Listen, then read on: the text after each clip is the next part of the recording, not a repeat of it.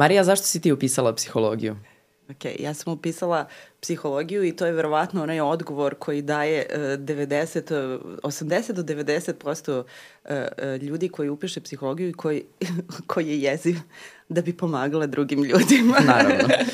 I mislim da to nekako i osnov govori o tome da ovaj, nas tako možda verovatno ljudi najviše i vide. I uh, krenula sam od toga da sam odmah htela da budem psihoterapeut kada sam upisala psihologiju i onda dok sam prolazila kroz studije to se menjalo svake godine.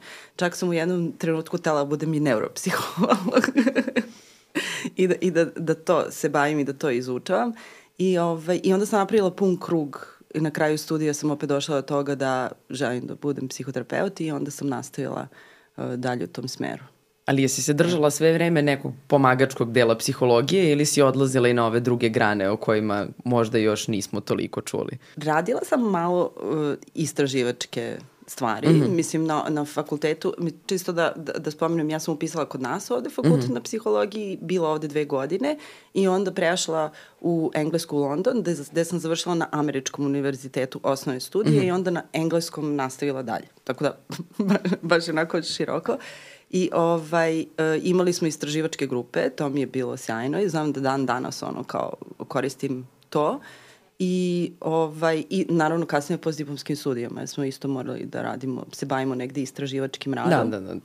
Tako da uh, jako poštujem istraživački rad i jako se oslanjam na istraživače iz psihologije. A kad smo već kod istraživača, Milice, kako je tekao tvoj put možda u psihologiju? Da, ja sam uh, kao, kao znala sam šta ne, znala sam šta hoću, ali i znala sam da to sigurno nije ovaj, nije pomagački, jer mhm. sam kao, bil sam u kao šta ako ja sad nekoga zeznam time. Mm -hmm. Ali u stvari ovaj, imam zapravo dobru priču vezano za to. Skoro sam prebirala po svojim dnevnicima kad sam bila klinka i onda sam našla, mislim da je to prvi srednje, uh, gde nešto sad ja tu pokušavam da skontam kao što, što ljudi nešto rade, kao neko bio valjda zao prema meni ili šta god, i onda sam u fazonu kao, ja mislim da ću ja studiram psihologiju, zato što kao moram skontam zašto ljudi ovo rade. I mene u stvari to dosta dugo vozilo i onda mi tokom faksa to vozilo i sad ja se bavim socijalnom psihologijom, pre svega mi to zovemo međugrupni odnosi, odnosno to kao stereotipi, predrasude, diskriminacija, tome slično, kao to je jedan od ovaj, mojih fokusa kao ostala sam nekako dosledna tome, a čekaj, ali što sad ljudi ovo rade? Kao, kao što mrziš drugog čoveka? Zašto su ljudi zli jedni prema pa, drugima? Mislim, da, da. Tako da je mene sve vrijeme to na neki način ono, ovaj, vozilo i to kao znala sam neću kliničku i znala sam zapravo da e, jako sam rano tokom studija odlučila da bih voljela da to bude neka vrsta istraživačkog mm -hmm. rada. Uh, jer to kao, kao, samo tako mogu valjda da skontam, kao, a što ljudi to rade? Da, da, da. A ti? Pa ja uopšte nisam, recimo, vidiš, baš sad ovo slušam i interesantno mi je zato što uh, znala sam da neću kliniku, mada sam ja došla iz tačke gde nisam baš znala šta bih da upišem i nije mi to bilo najprirodnije da donesem taj izbor. Ali recimo kao psihologija mi se dopala, dopadala mi se u srednjoj školi, iako evo sad da vam kažem šta mi se tačno u srednjoj školi dopalo, ne bih to mogla da navedem. I razmišljala sam kao da ne želim da se bavim klinikom, a da sam ja bila izložena dosta ulozi psihologa u recimo školskom sistemu. Ne u saradnji sa psiholozima, nego ono porodično sam znala da tu imaju neki psiholozi koji ne rade samo u školi sa decom. I to mi je delovalo kao atraktivno u tom trenutku. Međutim, kada sam došla na faks, a onako konkretno naš faks u Beogradu, mada i većina drugih odeljenja u Srbiji je prislična, uh, odmah ulećemo u baš onako heavy istraživački pristup, odmah se uči statistika, metodologija istraživanja, mm. ali i neke oblasti koje za nekoga ko je lajk potpuno su nepoznate i u srednjoškolskim učbenicima i kurikulumima su uglavnom prikazane kroz dva, tri pasusa, tako ih se dotaknete povremeno, a što su u stvari neke opšte psihološke stvari.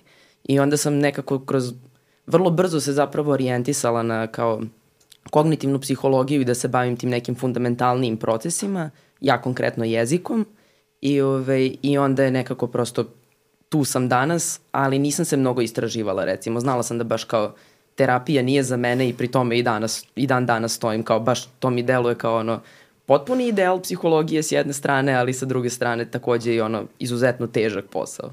Da, da kao, daj da ne pokvarimo nekoga. Da, da, da, da, da. To kao ima, ima ta, upravo ta ideja kao ja bih da pomognem nekome ili da ne pokvarim nekoga. Da, da. I, i onda kao to biraš kao, ne, a ipak da ne kvarimo. I sad je super to što si spomenula za tu prvu godinu, jer se ja sećam, to je baš bilo jedno veliko i, uh, iskustvo. Uh, prva rečenica koja nam je rečena kad sam upisala prvu, prvu godinu od uh, um, ovaj, famoznog doktora, ovaj, profesora Braca Ognjenovića, jeste ako ste upisali psihologiju da biste uh, saznali više o ljudskoj duši, trebali ste da upišete književnost. I, ovaj, I onda ja mislim da smo u toj prvoj godini baš naučili da smo možda trebali da upišemo književnost, baš zbog toga što smo imali te fiziologije nervnog sistema, statistike, uh, psihofizike, ja ne znam da li je ono ko vaša generacija da. radila psihofiziku, jesmo, jesmo, eto, i da, da, da, da i nju spomenemo. Ovaj, I baš je onako, ja sam došla s prirodno-matematičkog smera iz gimnazije, a gomila ono kao kolega i koleginica je baš bilo u potpunom jednom šoku i frasu kao šta je ovo što mi radimo. I mislim da je, da je to ono kao taj neki prvi susret i nas, verovatno i drugih ljudi sa kojima pričamo, s čime se zapravo sve psihologija bavi. Pa da, zato što ja imam utisak da sada kada kao jednu osobu da zaustavimo na ulici i da pitamo šta radi psiholog, Mm. Najverovatniji odgovori, barem je moj utisak, bi bili da je to neko ko ili radi u školi mm -hmm. Ili neko ko sedi ispred svog klijenta na kauču i nešto oni tu razgovaraju. Tako. Ali mislim da je i ta slika terapeuta vrlo onako nejasna ljudima mm. u glavi. Uglavnom je to kao kauč i neko ko sedi pored. Da. Ili što je, ovaj, mi, baš moja drugarica i naša koleginica rekla, kad dok sam dolazila ovde, kaže, moja mama je, ovaj, njo, njena mama je u stvari njoj rekla kada je upisala psihologiju, psihologija nije posao, to je hobi.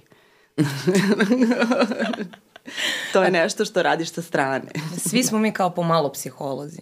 Tako je. I to je ono što meni, na primjer, kao mega interesantno, kao s jedne strane naš predmet proučavanja jesu ljudi i ljudsko ponašanje i onda valjda baš zato svi imaju ono misle da polažu tapiju na to da znaju mnogo o tome. Kao on, ono što ljudi koji su sami roditelji misle da znaju apsolutno mm. sve o roditeljstvu i tako kao sad, kao ja sam čovek, znači ja mislim, prosto znam psihologiju. Gomila našeg iskustva je sa ljudima, dakle da, mi znamo mi nešto znam, o ljudima. Tako je, tako da. je. I onda ima tih ljudi koji, mislim, kao masu puta sam čula to kao, evo, mislim, ja nisam psiholog, ali ja kao psihologa mater, da ti kažem. Samo samo, ne, brate, kao, ne, ne možeš budeš psihologa mater, kao, jel postoji inženjera mater? Mislim, kao, evo ja kao inženjera mater, samo da ti kažem, možda je bolje taj prozor na drugo mesto da staviš. Mislim, da. ovaj, tako da kao, to mi je, taj, taj fenomen ljudi koji, ovaj, mislim, kao, ja mislim da to svi rade u nekom trenutku svog života, da kao misle da je, da baš zato što to imaju iskustvo sa ljudima, automatski to znači da sad oni baš svašta znaju o psihologiji. Mm. Mislim. Mm. I kada su dobri u tom kontaktu, znaš, ono kao kada imaš te kao, m, kod mene, um, ovaj, ja slušam sve svoje prijatelje i svi dođu kod mene sa problemima ili su, kada su jako uspešni u komunikaciji I ono što moram da dodam, nekada verovatno ljudi misle kada su vrlo uspešni u manipulaciji da su dobri psiholozi. Kao uspeo sam nešto da ti ovaj, proguram neku svoju ideju ili da. temu i kao onda sam ja dobar psiholog jer sam uspela da te omanem. Mislim da vrlo često ljudi i o tome misle, da mi obmanjujemo. jer znamo nešto što oni ne znaju. Da, da, e, i taj moment znam nešto što ne, ti mm. ne znaš, to mi je isto, i kao, moram da priznam da je to bila recimo i moja predrasuda jako dugo, mislim kao ja sam bila svesna da to nije tačno, da je predrasuda, ali sam je imala, kao to je bila moja predrasuda o psihoterapeutima, kao, kao, kao sad, št, koju magiju ovi ljudi znaju, mislim, u čemu je fora. Ovaj, posle sam je razbila, ali, ali, ali znaš, kao sad, kao, kao, evo, ne znam, ti ja razgovaramo i kao, kao šta, jel sad ti si drugačiji sagovornik meni mm. samo zato što si psihoterapeutkinja. Mm. Ove, ovaj, I mislim da to ljude dosta baguje. I vrlo često, recimo, se meni dešava da me ljudi pitaju kao, čekaj, ti si psiholog? Mislim, svima vam se to desilo sigurno. Da, tipa u taksiju, kao, kao, čekaj, ti si psiholog, možda nije trebalo ovo sve da ti kažem, šta ti sad misliš o meni? Kao, mm. brate, ništa, dva ujutru, vraćam se kući, kao, ne mislim, ono. Dakle, ja sam psiholog, ali sam isto tako ljudsko biće. da, da, sa radnim vremenom, ali pošto psihologija nije profesija nego hobi, onda ga možeš tako. raditi bilo kada. Tako. Da, i u kafani, na primjer. Kafana kao glavno radno mesto psihologa, definitivno. da, to za kafanu isto, mislim kao, bože, ja sam, kao, danas sam puno nekih priča iz života, ali takav je dan. Ovaj, ja sam pred kraj studija jedno vreme radila u Šanku, u nekom blues baru. Mm -hmm. E, i onda su ljudi bili, kao mnogi su me znali i bili su u fazonu, ok, šta god, onda kao kad se pojavi neko nov, kao, je, znaš, kao ona, ona završava sad psihologiju. Ja, kao, tebi mora da je ovde baš super, kao, šta ti sve možeš da vidiš, da zaključiš o ljudima. Mm. Ja sam u fazonu ljudi, radim samo u šanku, kao, zaključujem samo o tome da li imam dovoljno piva u frižideru i kao treba se menja bure, mislim. Da, da, ali to je u stvari, mislim, to je u stvari ona glavna zabluda, ne to da li mi čitamo misli, nego kao gde su naša radna mesta, gde u stvari mi imamo Tako psihologe je. na ovom svetu koji rade i šta ti ljudi zapravo rade. Jer negde smo, mislim da svi smo imali kroz ono detinjstvo u školi iskustvo sa tim i tu najstrašniju stvar da nekoga pošalju kod psihologa, mm. ali u stvari psihologija, i to je jedna vrlo lepa stvar našeg posla, je što možete da radite na mnogo većem broju mesta nego što bi vam inicijalno palo na pamet, posebno kada upisujete. Mm. I evo, mislim da smo mi relativno dobar primer toga, ok. Evo, hoćete da kažete u stvari gde vi tačno radite? Pa da onda vidimo gde još psiholozi rade. Da, da, pa ja konkretno radim na Filozofskom fakultetu u laboratoriji za eksperimentalnu psihologiju, ja se baš bavim eksperimentalnom psihologijom mm. i psiholingvistikom, tako da u tom smislu ja radim u tom akademskom kontekstu, mm. te to nije nešto pretarano možda vidljivo šire ljudima, tako Ali evo Milice... Pa evo, isto i ja, samo ne u laboratoriji za eksperimentalnu psihologiju, nego u laboratoriji za istraživanje individualnih razlika. Mm -hmm. To već zvuči malo kao ljudski, ali, ali dalje ne dovoljno ljudski. I to, pa pomenula sam malo pre se bavim socijalnom psihologijom, odnosno time kao mm.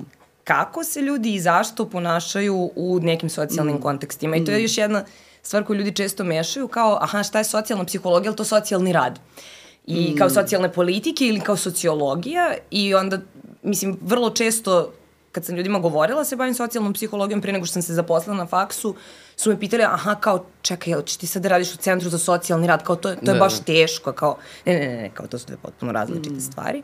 Ali da, kao isto sam u tom akademskom kontekstu, malo su te moje teme uh, nekako liče na nešto što je nekako ljudima poznatije. Mm. I ono što se meni čini je baš recimo da u socijalnoj psihologiji kao svako ima o tome neku svoje mišljenje. Mm. I svi nešto smatraju. I šta se sad ti kao baviš tom naukom? Mislim, kao prosto ljudi znaju šta je to. I da u stvari što je, što je kao što je socijalnija oblast psihologije, što je više ono, njen predmet proučavanja nešto što možemo da vidimo u svakodnevnom mm. životu, u čemu kao razmišljamo kao ljudska bića, to su ljudi skloni da budu to lajci eksperti mm. za to. Mislim, prilično sam sigurna da recimo, ne znam, u psiholingvistici ili u percepciji koja je još bazičnija, da, da, da. Uh, da je to mnogo manje, jer kao, ne, ne znam kako je tvoje iskustvo. Pa sad smatranja o tim oblastima su možda još i uh, kako da kažem, neobičnija, da se izrazim tako eufemistički. A i tu ljudi smatraju svašta. Pa smatraju svašta, mislim da to dolazi iz toga što je potpuno nepoznato i ono mm. odvojeno od realnosti. Sad o čemu konkretno pričamo? Pričamo o istraživanjima koje se bave fundamentalnim procesima jezika. Dakle, negde gde se mi pitamo, recimo najprostije rečeno, kako mi znamo sve ove reči koje znamo, kako možemo da pričamo tako brzo. Jer vi kad razmislite, mi u svakom trenutku evo ja sada govorim i izlačim gomilu reči, slažem ih u rečenicu, ta rečenica je gramatična, to se sve dešava online i ja nemam, ne čitam, nisam pripremljena za ovo sada što ću govoriti, a opet to radim relativno brzo i znamo da možemo mm. to i brže da radimo, tako da je to u stvari nešto najšire čime se psiholingvistika bavi. A sa druge strane, recimo, Milica je pomenula i percepciju koja nam odgovara na razna pitanja kako radi naš vizuelni sistem, jer i naše opažanje je naša psihička funkcija. Evo, za to da dam neki primer da možda ljudima bude jasnije. Mi recimo i dan danas ne znamo i time se bave istraživači i kod nas, zašto kada vidite beli papir na suncu i kada vidite beli papir u senci, vi i dalje znate da je to bela, iako mm. on vama objektivno ne izgleda isto. Mm. I kada biste uzorkovali sa slike boju ono, u paintu, videli biste da ta boja ne bi bila ista. Ali mm. vi znate da je to ista boja. I onda u stvari ali to sad ja kad ovako objasnim, to ljudima bude dosta jasnije. Međutim, kada nekome usput onako objašnjavate, ljudi znaju da se zaintrigiraju zaista, jer je stvarno onako, nije baš uobičajeno da se čuje, nema nas puno koji se time bavimo, mislim u Srbiji, i onda imate te situacije da neko kreće da vas propituje kao, aha, a šta, kao ajde mi objasni detaljno, zvuči mi jako interesantno. I onda upadnete u te smešne situacije da što god vi kažete, vaš sagovornik vraća na to kao, aha, a znači oni kad tako pročitaju tu reč koju im ti pokažeš na ekranu vrlo brzo, ti onda znaš kao šta oni misle o toj reči, šta oni ovako, kakvi su kao ljudi. Dešavale su se te scene, ali mislim da je to više zato što prosto ljudi imaju neka očekivanja i jako im je teško da izađu iz toga, a vi nikada nemate vremena da im objasnite baš u sitna crevca i ne želite da davite ljude u ostalom mm. time. Kao ja sam neki psiholog koji radi istraživanje i završit ćemo na tome. Mm. Možda onda na tome, u stvari, tu je možda naša krivica što ljudi ne znaju baš dobro čime se psiholozi bave. Mm. Pa u tom kontekstu da, mislim. Pa da, mislim, ali kontekst ono neformalnog druženja je uvek da. nezgodan da, da pričaš detaljno o poslu. Kao da. ne, bi, ne bi da daviš isto kao što ne želiš da te dave i drugi ljudi o svojim poslovima. Mm. Ovo što si rekla o percepciji me sad kao podsjetilo na onu priču kao šta, si, šta očekuješ kada upišeš psihologiju, da će da se desi na faksu. Sjećam se da smo na prvoj godini na vežbama imali, kao to su bukvalno ono psihofizički mini eksperimenti, gde sad ti tu kao imaš neki, ne, ne znam, bockaš se nekim ono šestarom. Da, da, najkraće, najkraće rečeno, ono, psihofizika meri za početak, odnosno opisuje odnos spoljašnje stimulacije, to da vas neko dodirne po ruci recimo, i toga kak, kakva je vaša senzacija toga. Da, da, da. I onda kao koliko sad recimo ako se ako ti neko dodirne s dva prsta, koliko ta dva prsta moraju da budu razmaknuta da bi ti znala da su dva prsta, kao mi smo doslovno na vežbama to radili, kao bockali se i zapisivali kao koliko je, da, da. mislim sad to, to je bila neka, nisu bili prsti, bila kao neka malo, malo finija mašinerija gde sad ti znaš, to je neki šestar koji malo po malo pomeraš, ali mislim da je ono ljudima koji su očekivali da kao dođu na faks i imaju to ono Freuda i kauč, mm -hmm. da ih je to potpuno izbagovalo. Jer kao da. sve što se dešava u prvom semestru prve godine da je to. Samo nije, da, da. nije kauč i da, Freud. Da, da, i, ali onda shvatiš kao koliko je psihologija šira od kauča i Freuda. Mm. Mislim, kao koliko ima strava stvari uh, za koje ljudi nemaju pojma da ih rade psiholozi. Mm. Mislim da ne pričamo kao o industrijskoj psihologiji, kao mm. komili tih stvari kojima kao se mi ovde ne bavimo, mm. ali postoje. Mislim. Da, da, pritom držimo se kauča kao ni sama terapija nije samo kao, kauč. Tako mislim, je, tako je. šta više najređe je kauč, verovatno. Da. To što si spomenula industrijski, ja se sećam da je to meni bilo ono kao wow moment kao da je i to nešto što psiholozi rade, da, da, da nekada kada su postale fabrike, verovatno i dan danas postoje neke određene mašine i tako dalje, da su to ljudi koji će da izračunaju gde, je, gde neko dugme je najvažnije da stoji, kao, jer treba da bude pri ruci ili treba da reaguješ na određeni način i kao to su. Ili, jer šta, šta je ono još bilo da kao koliko svetlo treba da bude, na primjer u fabrici gde rade ljudi, koja da, da. jačina svetlosti mm. treba da tu postoji da bi ljudi bili produktivniji. Ono, kao, to, to su meni bili kao wow, da, da, i fascinantno je, i fascinantno. Meni je to recimo lično fascinantno zato što je to ono baš direktna primena vrlo bazičnih psiholoških mm. znanja. Kao zašto je znak stop crven, a nije zelen? Mm. Zato što mm. mi znamo da nam je crvena boja specijalno značajna ili makar dovoljan dobar signal mm. da možemo da ga detektujemo u raznim uslovima. Mm. Ali Ima da, i onaj fenomenalan podatak zašto je znak McDonald's crveni žut, zato što te to navodno čini gladnim. Verovatno su radili neke, sigur, sigurno su radili neke marketinške studije. Ono, za 100%. To. Da. I onda nas to u stvari dovodi gde sve još onako psiholozi zapravo budu, vrlo često budu u marketingu. Da. Mm. Marketinškim istraživanjima. Ja ne, ja ne znam mnogo ljudi koji su u tom pravcu otišli, ali se sećam da kad sam završavala, uh, Uh, fakultet da je mnogi kolege i koleginici su rekli koja ja ću da idem u marketinške istraživanja, zašto uvek postoji taj jedan moment toliko fazonu, zato što su tamo pare. mislim da. sad, že, pozdrav za sve kolege i koleginice, ne mislim ništa loše vama zbog toga, ali da, to je jedno vrijeme stvarno bilo nešto što je činilo sigurnim poslom. Ja sam isto uh, radila i u HR-u, odnosno u ljudskim resursima i sad tu ima puno psihologa u, u firmama. U kadrovskoj takozvano. Kadrovska, tako je koja je dugo bila u stvari to, gde ne, ljudi donesu svoju radnu knjižicu i gde odakle vam isplaćuju plate, a sada se proširila za ceo taj jedan segment koji postoji u ljudskim resursima, to je učenje i razvoj zaposlenih. E, tako da sam držala i obuke, mm. to je još nešto što ako psiholozi radi iz tih nekih, kako se zovu soft skills ili mekane veštine. Uh, A to je opet onda sve ono što mi u stvari učimo i izučavamo. Kako komuniciramo, na koji način da budemo efikasniji u svemu tome. Ovaj, uh, i, I to je opet ono što sam ja, da, da se vratimo na ovo kao šta ljudi misle da, da stvari sve znaju. Ovaj, vrlo često ja sam radila u banci i onda držim nešto što se zove uspešna komunikacija. I onda kao ljudi bi u fazonu, kao šta sad mene ima neko još da nauči tome kako da komuniciram. I onda provedeš u stvari sat i po vremen razbijajući taj moment da im pokažeš šta je to što ti zapravo želiš da ih naučiš i da da, da postoje uspešniji načini komuniciranja i da možda nisu baš prirodno uh, ono kao talent i da to stvarno jeste veština, ono kao nekako kad radimo. Tako da i tu sve imamo psihologi, sve češće i češće, mislim, u HR-u. Da, da, dosta, dosta veliki broj tamo ljudi radi. Takođe je jedna oblast gde ima ogroman broj psihologa, a obrazovanje. A, da. Ovaj, koji počinje od školskog psihologa i ono stručnih saradnika unutar samih škola, mada mislim da ih ima i možda i u vrtićima i, i slično, sve do ono najviših najviših struktura u obrazovanju, u ministarstvu, pošto kompleksan je užasno sistem i psiholozi stvarno imaju svoje mesto u njemu. Mada sad opet mi možemo mnogo da pričamo o tome, bojim se više iz ono ugla nekoga koji je išao u školu nego nekoga ko je ono... Mada smo mi na fakultetu imali i dosta smo obučavani u, u pogledu obrazovanja i sada naravno tu ima mnogo boljki koje su problem ono, obrazovnog sistema, pa onda psiholozi ne uspevaju da se nađu toliko u tome. Verujem da je možda sličan put kao i ovo u, u kadrovskim službama, recimo. Ranije su više bili, prosto nije bio sistem orijentisan ka tome da zaposleni budu srećni i zadovoljni, mm. mislim, s polja gledano, pa onda uloga psihologa nije bila toliko važna, ali mislim da sada, evo, posebno shodno događajima koji su se u skorije vreme dešavali, psiholozi mislim da mogu da stvarno dobiju još više na značaju, jer su sa posle, u poslednjih par godina malo u obrazovnom sistemu realno izgubili, barem mm. u ovim gde imaju najviše dodira sa ljudima. Mm. I to je neki mm. naš prvi kontakt sa psihologom ako nismo imali neke veće probleme kao mali. Da. U stvari naš prvi kontakt bude sa tim psihologom koji nas testira, je li tako, za polazak tako u je, školu. Tako je, tako je. Mm. Da, za, vidiš, nisam razmišljala o tome da realno prvi put kada vidiš psihologa je kad krećeš u prvi razred. Da, da. da. I A... to je onda to, znaš, onako, psiholog uvek nešto testira i daje mi neki rezultat.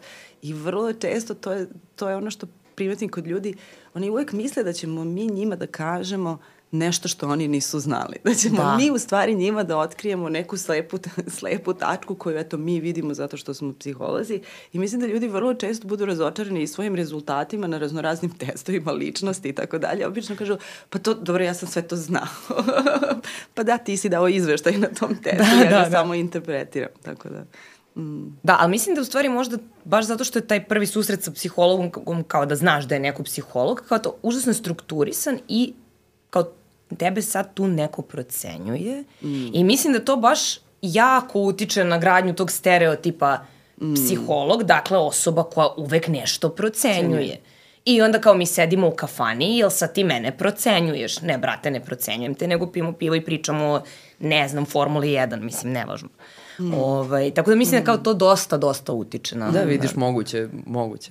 Ali mislim, ono što je, što je u stvari tu zapravo bitno, a što mislim da možda delom zbog toga što nema ni psiholog u školi kada testira dete mnogo vremena ni detetu, a kamoli roditelju da objasni šta je tu poenta, da u stvari nije tu ideja da mi sada ono nešto konkretno to dete gledamo i sada procenjujemo i zaključujemo o njegovoj sudbini i budućnosti, već mi imamo neke tehnike koje nam služe da nešto procenimo, predvidimo, vidimo šta ćemo dalje da radimo i u stvari tu možemo negde da se dotaknemo i kao raznih metoda koje psihologija koristi zapravo mm. u svom repertoaru. Da, meni je tu recimo, ovaj, baš što se tiče testova, ok, ti kad, i, kad ideš ono, kod školskog psihologa na, na testiranje za polazak u školu, ako posle toga ne dođeš uh, u neke ono ozbiljnije probleme da ideš uh, da, da kao ideš i na psihološku i psihijatrijsku procenu ili tome slično, kao ti u suštini se ne susrećeš sa testovima psihološkim u tom smislu. Da mnogo češće se susrećeš sa ono anketama koje vidiš na internetu, mm -hmm. gde su to uglavnom kao studenti psihologije, a nekad i mi koje ono, kao kad nemamo pare da sprovodimo, sprovodimo istraživanja ovaj, na plaćenim uzorcima, onda moramo prikupljamo podatke tako. E, i onda to kao bude gomila nekih pitanja na koje ti odgovaraš sa, ono, od 1 do 5, od, od uopšte se ne slažem do potpuno se slažem. E, i onda mi se čini da ljudi to smatraju užasno neozbiljnim mm -hmm. i da kao da im je to otprilike isto kao ono test iz bazara. Mislim, mm -hmm. da, da imaju taj moment kao, kao šta je sad ovo, šta sad ti mene pitaš, ne znam, jel sam ja uglavnom blaga prema ljudima, pa kao ti, valjda bi ti kao psiholog trebalo to da mi kažeš. Mm. Ovaj, I nekako imam utisak da ljudi vrlo često misle da to sve kao ničemu ne služi, a u stvari ogromna količina psihološkog znanja i kao znanja koje mi posle primenjujemo u praksi je dolazi odatle, mislim. Mm, mm. U stvari kao da na neki način imaju neko tu pomešano sa onim što su pitanja vezana za istraživanje, kada nešto istražujemo i pitanja koje su vezana za kada u stvari procenjujemo nešto, da, da, da. odnosno dajemo taj neki ovaj, test. Da, ali u stvari u, u ono, da citiram jednog našeg kolegu, ovaj, u suštini najveći deo vremena mi zapravo nešto pitamo ljude i oni nam nešto kažu. Pa sad da li zaokruže nešto na skali ili ih mi zaista pitamo rečima i oni rečima odgovore, na to se svede ono što mi radimo. Ne možemo da zaključujemo samo na osnovu toga što mi nekoga vidimo da. i kao sad naše ono skeniramo očima i kao sad sve znamo odjedno. Da. I nekad mislim da to ljudi vrlo frustrira, uh, zato što ja mislim da vrlo često ljudi kad, nas, kad oni nas pitaju nešto da im pojasnimo, da uh, i to je ne, neki moj utisak da je to kao neki ono, state of mind ono, kao psihologa, to je da nikada zapravo ne daje taj direktan savet i taj direktan odgovor. I, Iako se ne varam i ne bi trebalo, mislim, ne bi trebalo, posebno u terapijskom u kontekstu. U terapijskom recimo. kontekstu posebno i zato nekako sa time se vrlo često susrećemo, kao ja sam sad očekivao, očekivala neki savet, ja bih žela da mi objasniš ovo ili da mi kažeš ono i onda se jako razočaraju zato što krenemo u tome kao, pa to sad sve zavisi. Da. Ima jako puno faktora. Ljudi su individualni i različiti. Ako uzmemo i ovo, i ovo, i ovo, mislim, mi stvarno ne možemo tu da damo odgovor. I ja mislim da to ljude jako često frustrira, jer mi nekako u psihologiji vrlo često dođemo do toga, pa mi baš ne možemo da ti damo taj jedan odgovor, a kao da im je jako potrebno da taj jedan odgovor dobiju od nas. I mislim da tu vrlo često dođe do nekog kleša mm. između nas i opšte populacije. Pa moguće zato što, mislim, gde ja mogu da vidim da to dolazi, zato što često, ponovo kako ljudi, ljudima je često uh, kontakt sa psihologom kada je neki problem mm. akutno tu, I onda verovatno u tim stanjima ljudi zaista očekuju da im neko stvarno pomogne, onako iz na, krajnjeg očaja verovatno. Mm. I onda mogu da razumem zašto je frustrirajuće da ti neko ne da gotovo rešenje. Jer kao mm. kod lekara kad odeš on ti da lek, ti popiješ kutiju antibiotika mm. i odmah ti je bolje. A mm. sam psihološki pristup, ovaj terapijski deo ili generalno bilo koji koji radi sa ljudima no. Da.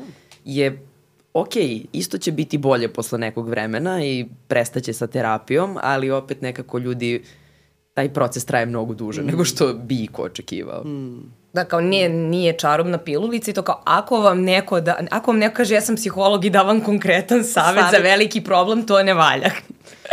Uzmite to ono sa rezervom.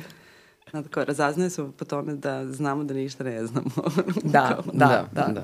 E, ali to onda dovodi, e, čini mi se bar, dovodi do toga da ponovo ono ljudi na neki način ni podaštavaju našu profesiju, mm -hmm. jer sad mi nemamo gotova rešenja. Tako. Mi fakat nemamo gotova rešenja, jer to kao kako ćeš ti da se ponašaš, osjećaš, mm. šta god, sa, stvarno zavisi od milion faktora. E, i onda onog momenta kad dođemo do toga, e pa zavisi, i mm. e pa reci mi nešto više o tome, tome, tome, tome, pa sad ti kao sklapaš neku priču, da se, da onda se ljudima čini kao da je sad to, kao, a šta vi, brate mili, znate? Znate, tako je. Šta sad, ja sve treba da ti kažem, kako ne znaš, mislim... I ono što mene interesuje baš negde u vašem radu, kao zašto, čemu je uopšte korisno? Kao, to što vi, kao šta, će, šta ćemo mi sada da radimo da. sa gomilom, a vi saznajete baš onako interesantne i ove, dobre stvari, ali dođemo do toga da kao, ali... Nemoj tako, ja se to pitam svaki dan sa svojom temom doktorata.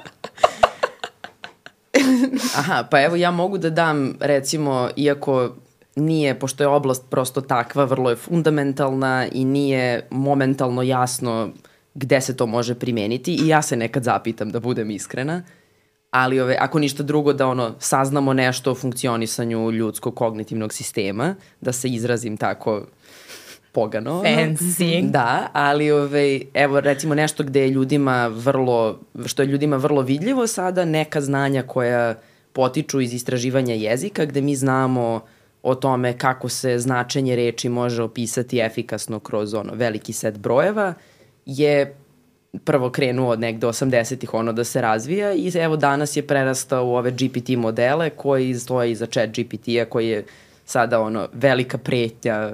Wow, veštačka inteligencija će sve da nas pobije, mislim, a to je program koji je samo pročitao gomilu teksta mm -hmm. i može da predvidi šta je sledeća šta je sledeća uh, reč koja treba da izađe. I ono što je to meni bilo uvek zanimljivo je zato što veliki skok u tim modelima, oni imaju stvarno kontinuitet razvoja od 80. godina takvi slični modeli. Ono što je sada postalo u oblasti state of the art se desilo kada su zapravo, jer postoji stalno ta igra između računarskih nauka i psihologije, da, pa malo psihologija se osloni na nešto što znaju računarske nauke, pa pravi modele prema tome, teorije svoje, pa malo onda ovi računarci shvate, aha, ovi imaju opis kako to ljudi rade, hajde mi to da primenimo. Mm. I u stvari ovde se sada desilo to ponovo da su iz psihologije preuzeli ra računarske nauke nešto i došli smo do toga da sada imamo programe sa tim suludim uspesima. Sa druge strane, recimo, evo da nešto malo ljudskije što nije ono surovi zatvoreni sistem gde mi ne znamo šta se dešava, on nam nešto priča. A recimo nedavno smo mi radili neko istraživanje o kome ćemo nadam se pričati nekad ovde, koje je pot, vrlo se spontano relativno desilo gde smo mi poredili to kako ljudi procenjuju pobudljivost i kao da li je reč pozitivna ili negativna kada je čujemo, da li nam izaziva takve emocije i koliko nas pobuđuje u kontekstu, tog, u kontekstu pandemije koronavirusa, pa imamo merenja pre korone, pa smo merili tokom samog lockdowna i posle. I evo recimo tu se ispostavilo da na jednoj takvoj prostoj meri, koja uglavnom služi kao kontrolna varijabla u istraživanjima, našli smo to da to potencijalno, sad ovo je baš onako prvi koraci to, u tome, da potencijalno to može da služi zapravo za detekciju ono nekih stanja, možda ne uh, konkretno mog stanja sada na tako malim merenjima, ali mi smo u tom istraživanju u suštini našli da uh, je nekako na nivou populacije da postoji veća pristrasnost ka, negat, onim, ka negativnoj stimulaciji. Dakle, mm. od, kada se desio jedan katastrofičan događaj, ljude prosto nekako pozitivne stvari manje pobuđuju, a negativne ih mnogo više pobude. Mm. Tako da ono, ok, kad čujem nešto lepo važi, ali ništa specijalno, a kad čujem nešto loše, onda upadnem u ono mnogo gori rage nego što bih možda ranije. Tako da u tom smislu istraživanja mogu da idu i u taj primenjeni aspekt gde zapravo to koristimo da detektujemo možda neke socijalne promene ili događaje ili slično. Mm. Da. Mm. Rekla si zabranjenu reč kontrolna varijabla.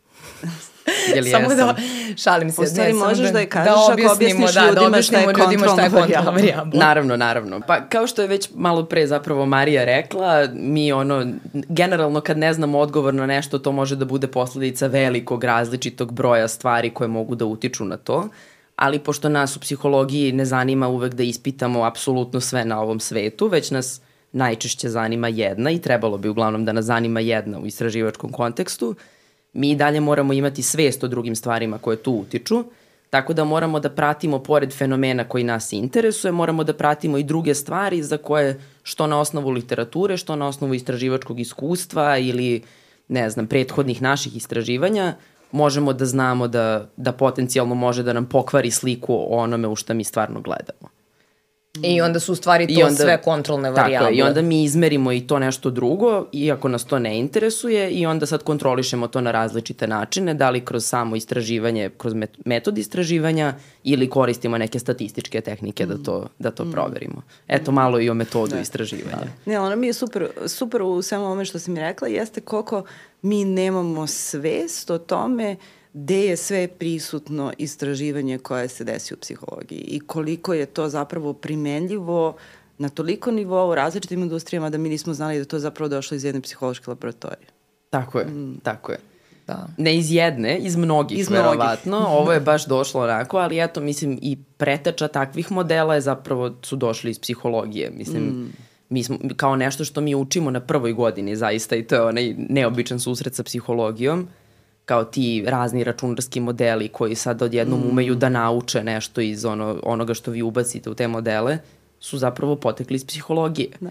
Ok, iz saradnje sa računarskim naukama, jer potrebno imati izvesne veštine, ali opet tu, tu su psiholozi. Mislim, mm. psiholozi su na mnogo mesta i ti si pomenula ono, gde je neko dugme na mašini u fabrici, kakvo je osvetljenje u okolini, pa opet mm. onda kako recimo treba testirati znanje kod dece u školi. Isto psiholozi su mm. se bavili time kao da ne pitamo samo da nam ponovi godinu, nego i da ima neko razumevanje u tome.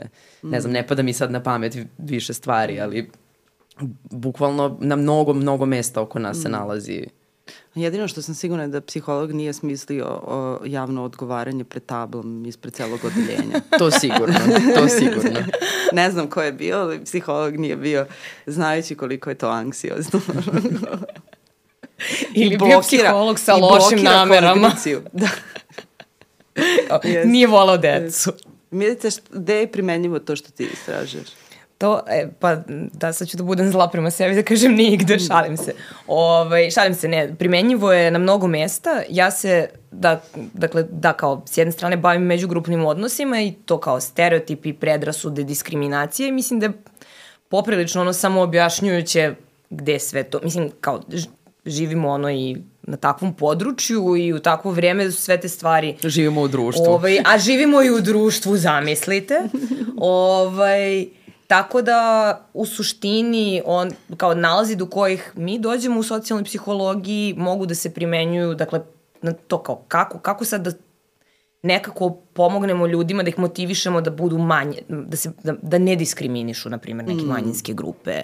Zašto, dis, za, zašto dolazi uopšte do diskriminacije? Kao, kao mm. odakle to ide? Zato što kao e, postojali su, iako, iako se ovo sve čini jako nekako logičnim i kao životnim, zdravorazumskim pre svega. Uh, kao jako je mnogo vremena trebalo uh, socijalnoj psihologiji da dođe do toga da kao ne, nemaš ti predrasude zato što si zao, mm. nemaš predrasude zato što uh, ti se ne znaš šta desilo ili kao ne znam ne voliš neku određenu grupu ljudi zato što ti ona naudila, nego da mi to prosto kao delimično dolazi iz nekih i ograničenja našeg uh, uh, kognitivnog sistema, odnosno načina na koji prosto naš mozak može da funkcioniše, a da se onda na ta ograničenja lepe dodatno još, ne znam, neke negativne emocije i tome slično. Tako da kao to, ono, čovjek koji ima predrasude nije nužno loš čovek, to je ono što uvek ponavljamo i kao jako je važno zato što sad kao svi smo tome skloni. Um, Tako da, da, s jedne strane to, mi smo recimo, meni je to bilo, bila kao super primena mog istraživačkog rada, pravili smo neke radionice za srednjoškolce koje je trebalo njih da uh, zapravo nekako osveste i ohrabre da budu, da se manje diskriminatorski ponašaju, mm. da preispitaju svoje predrasude, stereotipe. I to je bio jedan baš jako lep moment s jedne strane dok sam kao to pravila i razmišljala kako sad ja sva svoja znanja da pretočim u nešto kao neke konkretne akcije, neke konkretne ono igrice, aktivnosti mm. koje sad kod njih treba da dovedu mm. do toga da malo, malo šire gledaju na svet. I onda kad smo dobili rezultate da je to zapravo uspelo i da kao zaista kao deca koja jesu prošla kroz taj program su, e, dakle, prije programa je kod njih izmereno kolike, imaju, koliki su njihove predrasude i stereotipi prema različitim društvenim grupama. I onda nakon tog pro programa ponovo ispostavilo se dakle, da je kod te iste grupe dece došlo do smanjenja stereotipa i predrasuda i to je ono moment u kojem sam ja imala, kao, ba, baš se lepo osjećala zato što kao, mm. evo sad vidimo kako to sve što mi istražujemo radi. Mm. E sad, s druge strane, naši nalazi, mislim, ja se bavim još jednom oblašću socijalne psihologije, to je e, zapravo zdravstveno ponašanje, to jest kao mm -hmm. kako se ljudi um, kako se ljudi ponašaju u vezi sa svojim zdravljem u zavisnosti od uh, raznih društvenih faktora. I sad tu, dakle, su primene stvarno mnoge. Uh, ono, trenutno pravimo priručnik za, pri, priručnik za medicinske radnike za komunikaciju sa ljudima o, tom, o na primjer, nepridržavanju, mm. uh, nepridržavanju preporuka lekara, o konzumaciji različitih, ne znam, upitnih zdravstvenih praksi koje kao nisu dovoljno ispitane i ceo taj priručnik je zasnovan u stvari na istraživanjima koja smo mi sami mm. radili i dobro, koja su i pre nas ljudi radili, tako da u toj oblasti na primjer, jako, jako primenjivo mm. Ovaj, mm. I nekako ponovo, to kao ono što si ti spomenula, kao ljudi kažu, šta sa ti mene imaš da učiš komunikaciji, a zapravo ima tu svašta mm. da se nauči. Da. Da, da, da. Znači, ako nađemo na neki pamflet ili neki, ono, kao neki projekat u školi koji ima tako neku ideju, opet psiholog stoji. pa neretko da, da zapravo. vrlo često. Neretko da. Da. A gde se tvoj posao primenjuje? Mislim da je to... to... Jedan je. Pa to je ono što smo spomenuli kad, kad kažemo psiholog, mi najčešće pomislimo na psihoterapeuta, Ovaj, i, uh, I sad tu je isto jako interesantno zašto i u okviru psihoterapije tu se ljudi jako zbune, mi imamo razno razne ono, psihološke škole i pravce, jel te? Ovaj, I dolazimo iz razno raznih e, pozadina i radimo um, svoj posao koji ja mislim, barem ja tako doživljam je zapravo jako informisan svim znanjima psihologije. Uh, do sada koje imamo, možda ne baš to koja je svetlost, pa mada možda čak i svetlost kakva je u prostoriji i to imamo na umu. Kada, Kao ne staviš čoveka ono pod reflektor. I postoji, mislim, kad spomenjamo taj kauč, postoji razlog zašto su ljudi ležali, ono, kao to su opet uh, e, znaš, koji zašto više sad ne moraju da, da, pa da, da, da leže. Realno kad... Sve vreme kupimo ove, znanje neko. Pa da. da, ali realno kada pogledaš i u toj psihoterapiji kao toliko različitih pristupa sada ima da ono da vidite, verovatno da neko ko ne zna pogleda dve seanse iz dva različita Tako pristupa, je. ne bi pomislio da se uopšte radi o istoj stvari, možda čak ne Tako ni o psihologiji. Tako recimo je. pada mi na pamet ono to, standardna psihoanaliza kauč i to, i recimo telesna psihoterapija Tako koja je opet nešto potpuno potpuno drugačije. Možeš da uđeš u prostoriju da imaš strunače i valjak i da, mislim, ono, kao očekuješ da ćeš, da će te možda čak neko izmasirati. Mislim, što je, ono, bilo nezamislivo u psihoanalizi da kao bolje da se ne dodirujemo. Tako da, da, postoje, ali mislim da je sve informisano opet uh, znanjem do kojih dolazi psihologija. Mislim, naravno, i, i neke druge nauke koje su nam tu bliske, ali najviše ovaj, psihologija i meni, ja se sećam, pošto sam ja to u Engleskoj završila i onda su ovaj, to, to zvanje se u, u svemu imaš taj naziv kao psychologist, kao psiholog. Mm. Ti si, možda budeš counseling psychologist ili možda budeš industrial psychologist ili možda budeš coaching psychologist sada i to su nekako uveli. I onda je Britansko psihološko društvo to jako lepo objasnilo, kaže kao da, vaš terapeut ne mora da bude psiholog ili vaš coach ne mora da bude psiholog, ali zašto biste uopšte izabrali da vam terapeut ili coach ili tako neko bude uh, psiholog, baš zato što ima celo to telo znanja koje e, psihologija, koje vi istražujete i koje psihologija sve ovo nekako vreme nudi i na taj način se ono kao i usavršava. Mene najviše oduševljava kod psihologije to što smo mi, to se sećam, to je bilo na faksu sjajno, kao mi smo mlada nauka. Kao, mm. znaš, ono, kao, koliko je, 150 godina? 154, da, 5, nešto 5. tako. Mislim, kad uzmemo u obzir, ne znam, neku matematiku ili fiziku ili biologiju koje imaju hiljade i hiljade, verovatno, ne znam, sad ja lupam, nemaju baš hiljade, ali ovaj, uh, i onda nekako i nas, tako i doživljavam, kažem, kao 150 godina, to mi otprilike dođe kao neki naučni tinejdžer i mi zapravo konstantno izbacujemo nova znanja i nove Istražujemo ideje. se, tako da. reći. Tako je. Dakle, I odbacujemo stara. I odbacujemo stara, tako je.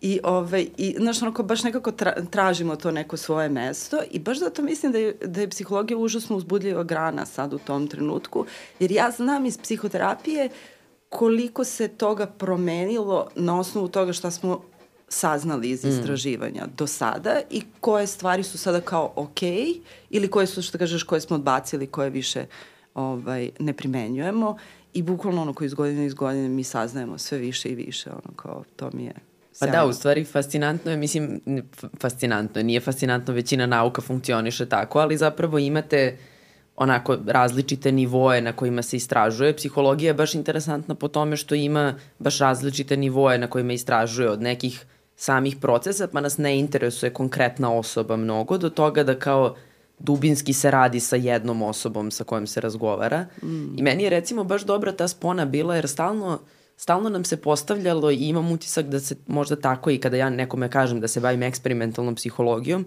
to se vidi kao neka onako potpuno druga psihologija, da donekle i ja nekad se osetim kao da nisam ja zapravo psiholog, ja ne znam ništa sa ljudima da radim, ali je u stvari dobar moment bio i to mi se baš na studijama desilo, jer to kao prve dve godine mi radimo to fundamentalne, odnosno osnovne te neke psihičke funkcije, to memorija, učenje, jezik, opažanje i slično.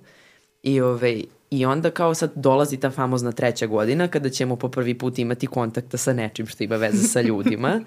I onda dolazimo na opštu psihopatologiju, ono što je svima prva stvar na koju pomislite.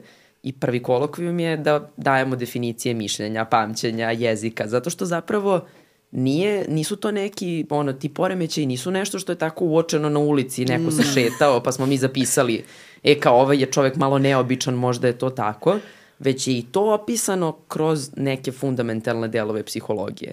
Ali mm. u stvari to kad spoznate na faksu, a nekako nije, meni bar nije bilo dato ranije, nisam imala taj utisak iz srednje škole ili iz nekog opšteg obrazovanja i nekako ta, ta linija na faksu koju dobijemo je meni stvarno bila užasno interesantna. Kao baš mi upadljivo ostao taj moment kada ja shvatam da, to je isto ovo što ja, što sam ja učila, što ja volim i čime želim da se bavim, samo sada u nekom drugom paketu, mm. na nekom drugom mestu. Da. I na drugom nivou kompleksnosti u stvari. Da, da, to kao sad sve to postoji, samo se sad pitamo što sad to kod ovih ljudi ne radi. Bukvalno, I kako da rešimo. da. Mm. I onda u stvari kad, kad skontaš da je zapravo manje više i klasifikacija psihijatrijskih poremećaja ide po tome koja funkcija Tako je. Ne funkcioniše. ne funkcioniše kako treba, e onda shvatiš kao aha, dobro, za, zato smo učili ono funkciju po funkciju, jako, jako opširno, jako duboko, mm. Između ostalog i da bismo znali mm. šta ne radi i da li i kako možemo malo da ga popravimo i da mu pomognemo, mislim. Mm. Mm. Ali to što si rekla kao da ljudi doživljavaju kao da su to dve psihologije, kao imamo to... Da. Ja prva, mislim, da, ja prva da. imam neku ono distancu. To je, to moja sestra voli da kaže kad, kao kad mene upozna s nekim svojim prijateljima i onda oni naravno kao, jao, ti si psiholog i onda ona kaže, e, ona nije taj psiholog. Ist, istu rečenicu i ja primenjujem, da, i onda je... Tako da, ali isto, da sam bila u fazonu, ne, kao nisam, ne, ne radim ja sa ljudima, kao nisam ti ja taj psiholog, ono, ne, ne meni. A realno radimo sa ljudima, mislim, pa ljudi su nam baš radimo, radimo sa ljudima, da, da. Samo na drugačiji način. Ali, dobro je što si spomenula ovu opštu psihopatologiju, sam zaboravila uh, još jedno mesto gde se nalaze psiholozi, verovatno zato što podrazumujemo, to je na klinici, znači ono da. kao klinički psiholozi, da, da, da, da, da ih ne zaboravimo. Ja se sećam isto tako na studijama, kao zašto sam otišla na pravac psihoterapije, baš ono kao psihoterapije savjetovanja, jeste što se sećam da sam ja rekla kao jo, ja nikad ne želim da radim na klinici, kao ja ne želim da radim sa uh, E, ljudima koji imaju ono kao teške poremećaje gde ono, moramo da pribegnemo i lekovima i ostalim stvarima. Ja želim da radim sa ljudima kako bi oni imali kvalitetnije živote i kao da želim da radim sa ljudima da bi možemo da vidimo te neke pomake.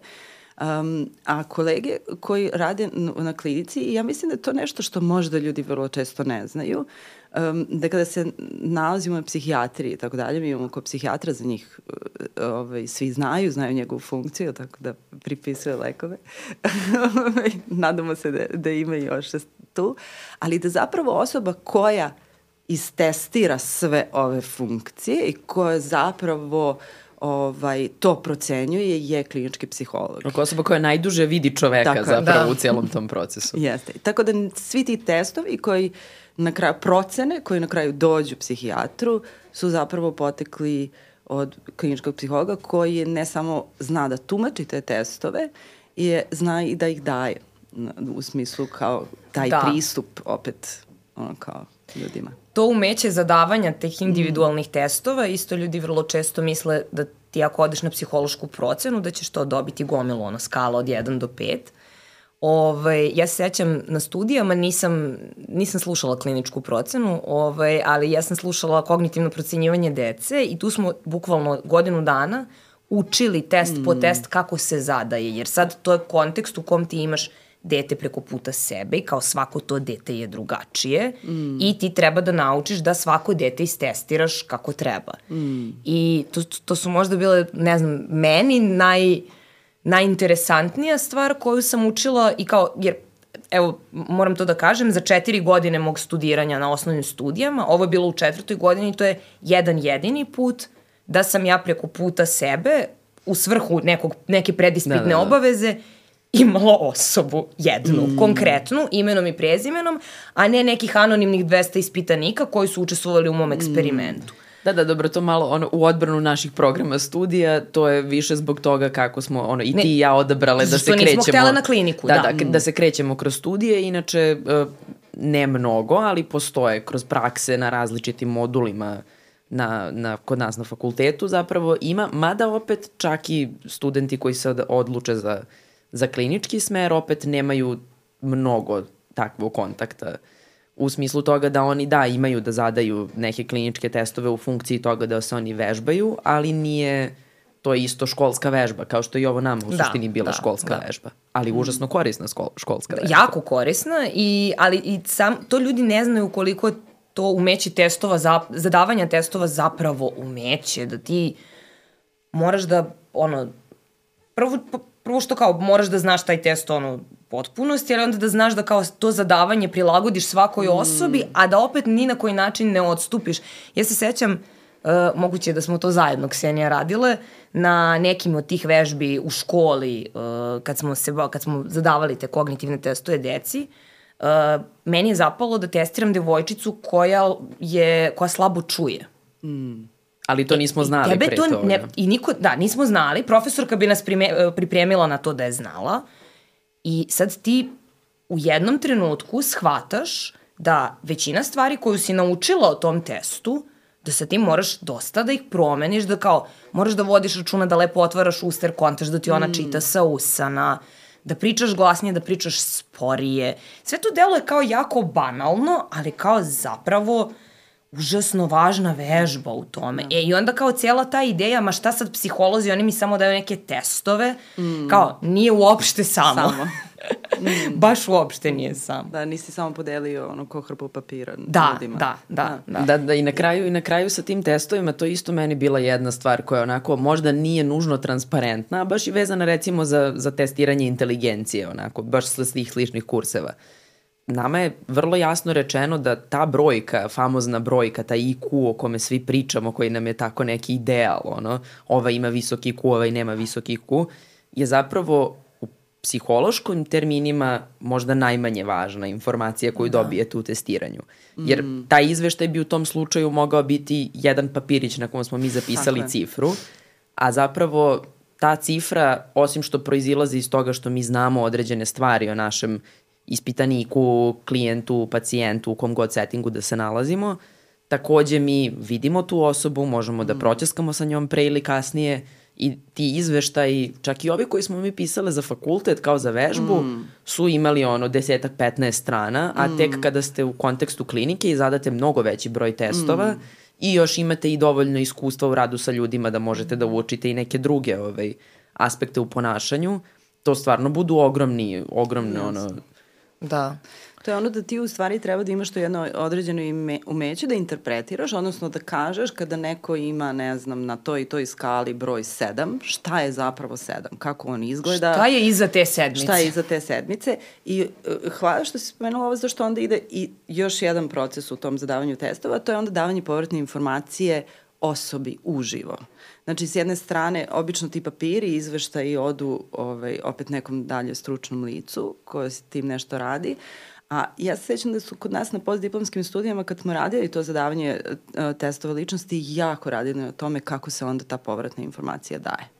Uh, kako objašnjavaš tu sedmicu mm. i sećam se da mi je to uvek bilo, ovaj, da sam to sebi zapamtila ako pravilo, ja iz rezultata testu ličnosti dobijem gomilu nekih brojeva ovaj, a, ja kad dajem povratnu informaciju, najbolje da nijedan broj ne spominjem. Mm -hmm. Znači, da. onda znam da je dobra povratna informacija ako nisam morala nekom da kažem to je na skali ste pet na, ne znam, otvorenosti. A ljudi vole da čuju, ljudi vole da čuje neku brojku čak i kada im ne znači ništa. Baš, baš mi je to, to mi je isto interesantno, kao može neko da ti kaže puno stvari o tebi mm. ili brojku, ali nekako se svi uvek hvataju za tu brojku. Ne, valjda smo, mislim da smo samo naučeni da je to nešto izuzetno važno. Pa valjda i zato što kao da. sad to imaš IQ, pa kao to znamo mm. otprilike koliki, mm. koliki IQ je dobar IQ mm. i onda valjda zato ljudi očekuju broj, ne znam, kao vo, mm. vole da se to sad Imamo poverenje u brojeve, da. jako dugo su nam govorili da su brojevi vrlo da, da, da, značajni. Da, da. Sad kad smo kod toga, podsjetile ste me na jednu stvar koju možda ne bi bilo loše da pokrijemo, mm -hmm. a to je uh, kako kako naše kolege ili ne kolege, pošto vrlo često ne znamo ko stoji iza toga, um, umeju nekad da zloupotrebe tu ideju o tome da su sad psihološki testovi nešto što će tebi dati jako vredne informacije o sebi. Mm -hmm. Naišla sam, to jest izašla mi je na Instagramu reklama, sponzorisani post, kao, uh, ne znam, testirajte svoju, i sad neću da ne bih prozivala i pljuvala, mm -hmm. testirajte svoju nešto, mm -hmm. Neka relacijona stvar vezana za mhm. međuljudske odnose je bila u pitanju, za samo 700 dinara. Aha. I ja nisam bila lenja, Dala 700 uh, dinara? Ne, nisam dala 700 škrta. dinara. Poslala sam poruku da sam ja zainteresovana. To je inače moj hobi, da s vremena na vreme, kad posumnjam da je neko to ono... Rešavaš random lažni, psihološke testove. Ne, ne, kad posumnjam da je neko... I to, to, to radim zato što sam ono dobar ispitanik, kao, kao nadam se ono dobroj karmi da će onda ljudi učestvovati u mojim istraživanjima. Ovaj, ali da, da na te reklame za kao ne, kad mi nešto deluje kao sumnjivo. Ono, psihološke da, usluge, nazovemo ih tako. Psihološke usluge, da, kad nešto deluje sumnjivo, ja se javim i raspitam se. Uh. -huh. I onda vrlo često kao kad dođem do toga da, e, kao, ovo možda i nije baš kako treba, ti ljudi me ghostuju, odnosno mm -hmm. samo kao, ili se naljute, desilo se par puta. U svakom slučaju, da se vratimo na testove, mm -hmm. pitam ja, pošaljem poruku, dobar dan, dobar dan, ja sam za ovo zainteresovana, uh, a možete mi kažete koji test je u pitanju? I kaže mi čovek ili žena, nemam pojma ko stoji iza profila, koji je test u pitanju. Ja izgooglam taj test. Taj test postoji u otvorenoj formi, doduše na engleskom, ali mm -hmm. kao, mislim, svako može da ga prevede. Mm -hmm. Dakle, taj test, sad, još jedna stvar koju bi trebalo da objasnimo, uh, diagnostički testovi se vrlo često plaćaju, odnosno ti, kao, ti ne možeš kao fizičko lice da dođeš da u posjedstvo da kupiš taj Tako. test, odnosno kao, a ti kao psiholog prvo moraš da dokažeš da si psiholog da i moraš, to jest ne ti, nego kao tvoja institucija da kupi test. Tako da kao postoji neka mm. regulativa koja je ipak da. dalje od toga, I za neke određene testove moraš da imaš da si položio da, za davanje da, tog da, i tumačenje da. tog testa. Mm. Ovaj, e, ovo je znači bio neki najobičniji upitnik to kao sa, sa skalom procene od 1 do 5, ne znam kao koliko, ne, šta god, mm -hmm. ne vezano za međuljudske odnose.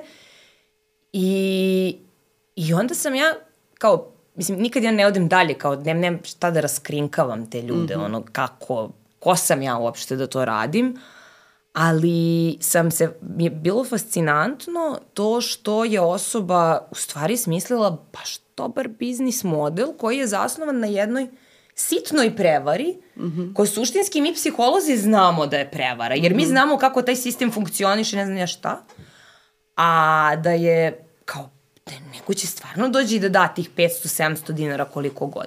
Je Tako da- platili da, su usluge prevođenja tog testa. Pa, da, da, ali nekako čini mi se da i sad kao posebno sve više sa tim uh, porastom svesti o men, važnosti mm. mentalnog zdravlja mm. i porasti to kao uh, vidljivosti i psihoterapiji i savjetovanja i kao generalno do psiholoških mm. usluga, mm e, dolazi i do porasta, naravno, kao nekvalitetnih mm. sadržaja u tom kontekstu. E, i da onda ljudi vrlo često zloupotrebljavaju taj stereotip psiholozi testiraju da. da zarade pare na kao jako brzi glup način tako što kažu sad ću ja tebe da testiram. Mm. Čime ćeš da me testiraš? Pa evo ovih 20 pitanja popuni i ja ću da ti nešto kažemo. Te. Dobro, mi smo i od, mislim i odrasli smo na takvim da. testovima da. po ono raznim ženskim da. časopisima pa, kao najviše da. odgovora po da, ti si ovakva, najviše e, odgovora da, po pet, ovakva. Da, ali to je užasno važno pon, da ponovimo da kao psihološki testovi nisu testovi iz bazara, da. nego su tako kao... Tako bazar psihologija, to je tako poznato. Da, da, da, da, da.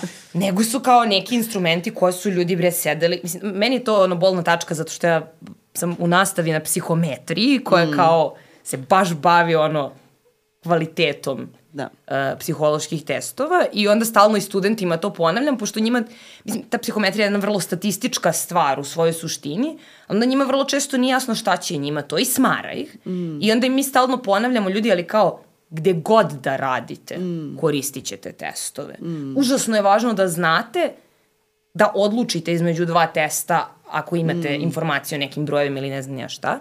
E, tako da i ova priča sa bazar psihologijom uh, to ono, nisu naši testovi to iz bazara i bravo girl i ne znam šta je sve tu bilo. Da, da, ali ujedno recimo, e, evo, tvoja, tvoja priča o testovima je super vezana za to recimo zašto svi psiholozi to moraju da znaju, jer mm. s jedne strane, ok, možda ja u kontekstu eksperimentalne psihologije neću morati da znam neke stvari o testovima, ali ako neko ode iz akademskog konteksta gde ne mora da zna psihometriju ili ne radi u klinici, ali recimo ukoliko radite u korporacijama je posebno to često, često prisutno, da vama neko zapravo, vi ne pravite kao psiholog u tom korporativnom settingu test. Vama taj test neko prodaje. Mm -hmm. I vi morate da znate da li, će, da li će vaša firma dati, a testovi nisu jeftini, da nisu. to ponovimo, da li će vaša firma dati nekoliko hiljada evra, jer to može imati implikacije i po vaše radno mesto, mm. za neki test koji će zapravo da da neku informaciju ili test koji neće da da neku mm. informaciju.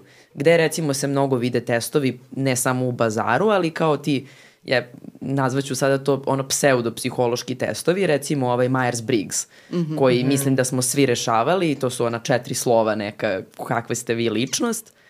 Taj test, ako ne znate i ako ne razumete šta je proces pravljenja dobrog testa i šta je dobar produkt tog procesa, vi ćete znati da prosto to što ste vi, do... za taj test konkretno, to što ste vi dobili ista četiri slova na kraju, je više do toga što ste zapamtili šta ste odgovarali generalno, nego zbog toga što test može pouzdano ponovljeno da izmeri šta, šta je zapravo, kakva je vaša ličnost, uslovno da. rečeno. Mm.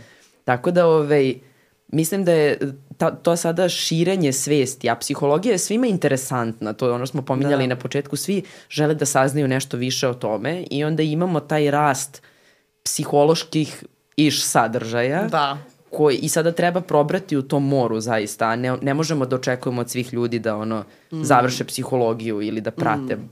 To je sad stvar mm. ono toga da se drugačije mora pristupiti možda psihologiji u opštem obrazovanju. Tako. I, i, I tome kako organizujemo struku. Imam, ja sam nekada davno čula taj izraz koji se meni uvek uh, ovaj, svideo kako u Americi su govorili, ne znam, za advokate ili za lekare, kao kako oni jako lepo štite svoju profesiju. I mislim da je to ono što nam negde malo ovaj, fali, da razmislimo u stvari o načinima na koje možemo da zaštitimo svoju profesiju, odnosno da ljudi znaju te razlike i da znaju kada dođu negde da je neka prevara ili da znaju da, evo sad kao pričam sa psihologom i št, zašto je to drugačije od toga kad pričam sa drugaricom. Da, da, da. I to da mm, da vrednujemo zapravo da, to da, što da, da, imamo. Da, da vrednujemo to što imamo i da nekako ovo što je Ksenija rekla, bolji valjda pristup psihologiji kroz obrazovanje mm. može tome da dovede, do toga da dovede da stvarno uh, nekako ono budemo svesni da ok, svi mi nešto smatramo mm. o sebi, o drugima, pa mislim kao probudiš se ujutru i ne osjećaš se dobro i postaviš sebi pitanje, mm. a što? Mm. I kao, jel mi se nešto desilo, mislim, jel tako, mm. kao, kao stalno promišljaš nešto mm. o tome, ali kako se to tvoje promišljanje i smatranje razlikuje od nečega što je utemeljeno u nauci. I vrlo Tako. često čini mi se da ljudi, mislim, znam dosta ljudi u stvari koji imaju neki dosta jak otpor prema psihologiji i posebno prema terapiji i savetovanju i onda kao kažu, ali šta će ta osoba meni drugo da kaže što ja već ne da. znam? Da. Da. Ja već sve znam o sebi. E, tu je poenta. Da. Znači ti svašta znaš o sebi, mm. ali neko ko je obučen da mm. to sagleda iz jedne potpuno drugačije perspektive, može na osnovu opet tvog inputa, mm. kao ti biraš koliko ćeš da ga daš, ovaj, da zaključi još neke stvari tebi i da ti mm. onda kaže, odnosno da te navede kao na načine na koje ne znam, možeš sebi pomogneš i tako dalje. Mm. Mm. Ali da, mislim da i taj kao to pitanje kao, a šta će da mi kažu, kao kako znamo da psihoterapija radi. Mm -hmm. I sad ti si pominjala da zapravo mm -hmm. to kao psihoterapija u stvari zasnovana na svom da. tom korpusu da. znanja psihološkog. Da I kako znamo da radi, zahvaljujući istraživanju psihologije. to, ali ponovo Če postoji ljudi, nešto. rade da. kliničke studije, to se proverava, dugi niz godina traje. Mislim da nam je to, sad, sad sam se u stvari setila da imamo i nezgodan predmet istraživanja. Znaš, ono, yes. kao mnogo je lako kada istražuješ drvo. Znaš, ono kao nešto užasno konkretno što se ne pomera i ima otprilike tri faktora koje mogu da utiče na njega. A mnogo je teže kada proučavamo ljude i njihovo ponašanje i život, ono, kao generalno kako se odvija. Ovaj, jer nam treba stvarno dugo vremena za neke određene stvari da saznamo i tako dalje ali nekako ja uvek imam to veliko poverenje, mislim, sigurno sam da to moj bajas, da ono, kao, da ono što jesmo utvrdili, ovaj, da na to mogu onako da se oslone. Baš mm. onako. Pa da, da, ali evo, mislim, u tom smislu sad možda zvuči kao da mi sve vreme pričamo o psihologiji, tako nešto o posebna i, i to. da, da. Ali zapravo kada... Ali jeste. ne, naravno, nama je najposebnija na da, svetu. Ali ako, najbolja stvar na svetu. Ali ako pogledamo, osim što ima taj neobičan predmet istraživanja, psihu mm. koja je tako lelujava i nismo sigurni šta je u pitanju i te psihičke funkcije, zapravo kada pogledamo po drugoj, od drugih struka se ona ne razlikuje previše. Dakle, mm. imamo neku bazu znanja koja evoluira sa vremenom i onda imamo pojedinačne eksperte koji se razvijaju i primenjuju svoje iskustvo. I okej, okay, to je možda najlakše opisati u terapijskom smislu. Ja sam naučila ono neku školu terapijsku gde, gde su ti procesi optimizovani ono kroz gomilu istraživanja, ali onda imam dodatno iskustvo kroz, kroz rad sa klijentima. Slično mm. i mi u, i u nauci kada radimo ok, mi naučimo te neke teorije, naučimo metode i tehnike različite koje primenjujemo, ali opet ima malo i iskustva, kao kada izvedem 20 eksperimenata, možda ću imati neki ekspertski uvid koji neću moći da objasnim, ali će on možda bolje raditi i mm. dovesti do ono preciznijeg merenja, ako ništa drugo. Mm.